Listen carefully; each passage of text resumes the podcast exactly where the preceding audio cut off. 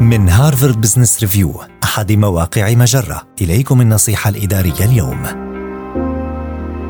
كن عونا لمديرك في إبراز نقاط ضعفه ومعالجتها.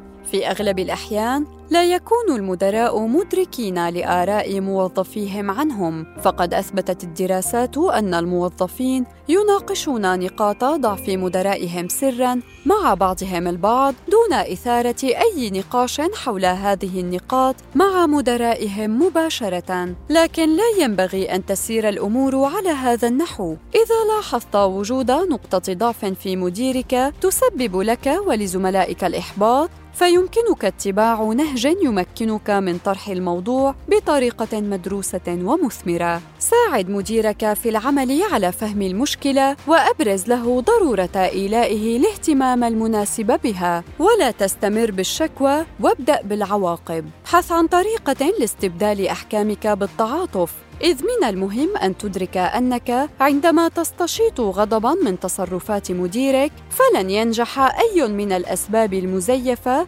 في ردعك عن إبداء استيائك. لذلك تحرى بنقاط ضعفك واستكشف مكامن قوة مديرك وكن صريحا مع نفسك في الأوقات التي تكون فيها جزءا من المشكلة. هذه النصيحة من مقال كيف يحصل القادة على الآراء التقييمية التي لا يرغب أحد في قولها؟ النصيحة الإدارية تأتيكم من Harvard Business Review أحد مواقع مجرة. مصدرك الأول لأفضل محتوى عربي على الإنترنت.